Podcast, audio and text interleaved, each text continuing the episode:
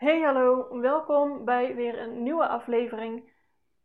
Mijn naam is Sander van de Wittenboer en, en in deze podcast ga ik jou zoveel mogelijk meenemen in persoonlijke ontwikkeling, mindset en human design. En vandaag uh, wil ik het met je hebben over belemmerende overtuigingen. Eigenlijk mijn meest favoriete onderwerp. Want dat is eigenlijk wat jouw hele leven bepaalt. Het houdt jou op de plek waar je bent.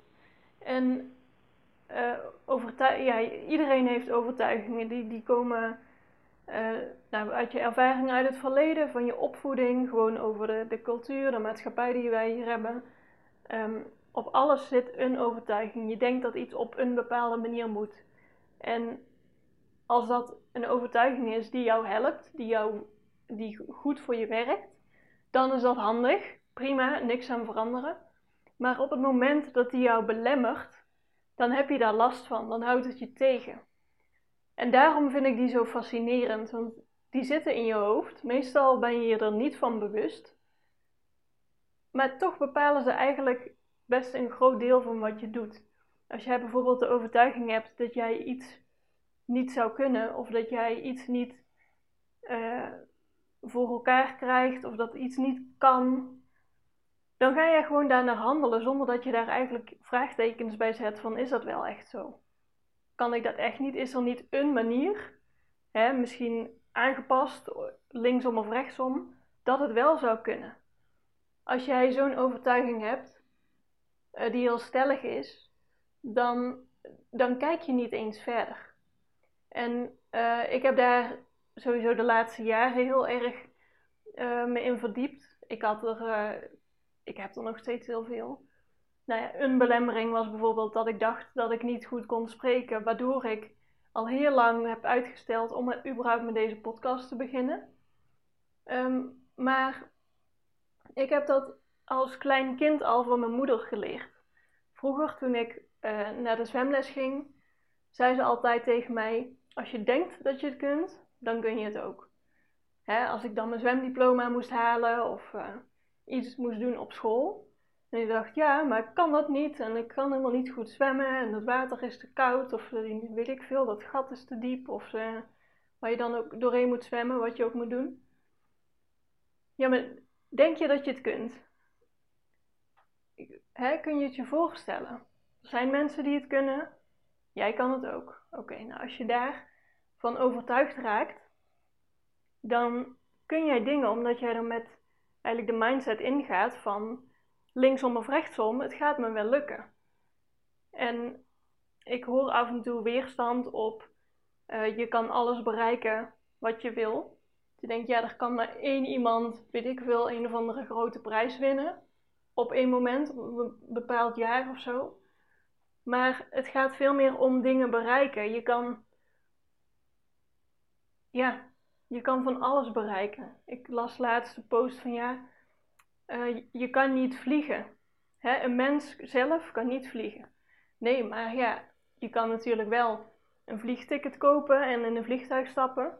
Heeft ooit iemand uitgevonden. Je kan uh, gaan paragliden. Dat lijkt heel erg op vliegen zelf. En er zijn mensen die die dingen hebben uitgevonden. Als die mensen hadden gedacht, ja, maar vliegen bestaat niet dan was er helemaal nooit een vliegtuig of een uh, paraglide, uh, weet ik het, ding hoe dat heet, waar je in zit. Dan was dat nooit uitgevonden. Dus ja, zulke beperkingen houden je op de plek waar je bent. En dan kijk je automatisch niet verder. En dat vind ik jammer, want ik gun je dat jij veel verder komt dan jij kan kijken überhaupt als jij iets zou willen, iets zou willen bereiken, en meestal gaat het dan om een gevoel. De meeste mensen willen ja, vrijheid of uh, hè, vaak willen mensen meer geld, maar dat wil je om meer vrijheid te ervaren. Ja, op welke manieren kun jij in je leven nu al meer vrijheid ervaren? Dat zijn allemaal, er komen dan al, allemaal, allerlei argumenten van je, waarschijnlijk, waarom dingen niet zouden kunnen.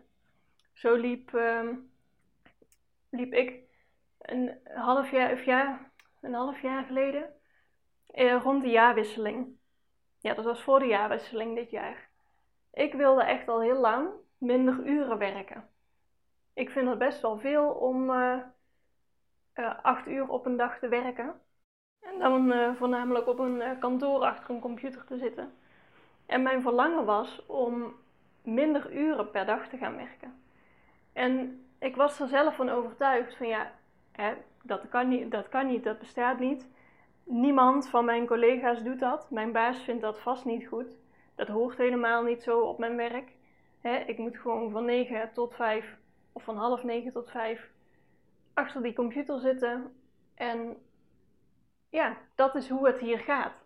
Ik heb nooit bedacht van goh, uh, zou het kunnen? Is het überhaupt een optie? En daarom heb ik het ook nooit gevraagd. En ik was rond de jaarwisseling bezig met wat wil ik eigenlijk en waarom wil ik dingen. En toen kwam alweer die, uh, dat aantal uur naar boven bij mij. En toen dacht ik op een gegeven moment, ja hallo, waarom vraag ik het niet gewoon? Ik kan het toch gewoon vragen? Ik heb geen idee of het lukt. Ik heb geen idee hoe mijn baas reageert. Uh, of het kan, of het mogelijk is, of hoe mensen, ja, wat, wat ze ervan vinden. Ik vraag het gewoon. Dus ik had mijn um, baas op dat moment een mail gestuurd van ik zou graag hè, voor het komende jaar, voor januari, um, met de, mijn uh, werktijden met je bespreken. Want ik zou eigenlijk graag het zo en zo inrichten. Hè, ik zou dan achteruit gaan in mijn uren. Uh, ik had al gekeken wat zou dat dan uh, financieel zou ik er dan natuurlijk minder uren maken, dus dat zou ik er financieel op achteruit gaan. Kan ik dat hebben? Um, ben, nou, ik was daar oké mee. Dus wat mij betreft allemaal prima. En mijn baas stuurt gewoon terug. Oh ja, uh, ja, dat kan wel. En ik was echt zo van, hè, ik heb hier zo lang over gedaan. Ik wilde dit zo graag, zo lang al. Maar omdat ik het nooit heb gevraagd, ik heb het gewoon nooit overwogen dat het een optie was, kwam ik niet op het idee om dat überhaupt te vragen. En kreeg ik, ja, ik, um, lukte het niet, zeg maar. Ik, ik kwam niet eens op het idee dat het mogelijk was. En toen ik eenmaal zover was van, weet je, ik vraag het gewoon. En dan lukt het ook nog, want hè, het kan, ik had ook een antwoord kunnen krijgen van, nou, uh, nee joh, doe niet zo raar nou ja, ook prima dan. Maar het lukte gewoon. En sindsdien werk ik uh, nog maar zes uur op een dag. En ja, dat, dat gaf mij zoveel vrijheid, wat ik heel graag wilde. En uh, ja, dat is gewoon één specifiek voorbeeld van mij. Hè, werk zoveel je wil op een dag, maakt mij verder niet uit wat jij doet. Maar kijk gewoon eens naar wat, wat zou je graag willen? En waarom is het er nu niet? En hè, bij mij waren die redenen ook heel simpel. Van ja, dat hoort niet. Niemand van mijn collega's doet dat. Dat is nou eenmaal zo hier. Ja, maar waarom? Is dat, is dat wel echt waar?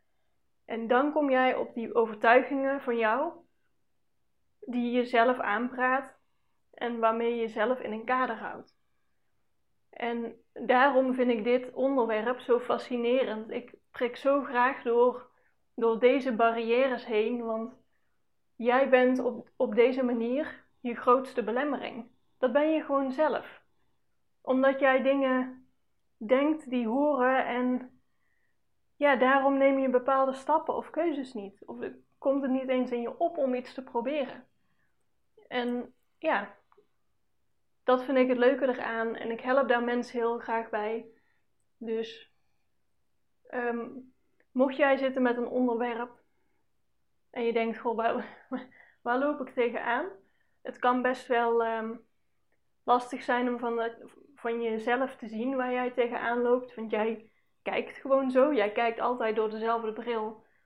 Dus uh, om dan te zien door welke bril je kijkt, als je snapt wat ik bedoel, dat is best wel lastig. Dus uh, praat dan met iemand anders over. Je, iemand die dicht bij je staat of stuur mij een berichtje, maakt me niet uit. Maar kijk gewoon waar loop jij eigenlijk, wat zou je willen?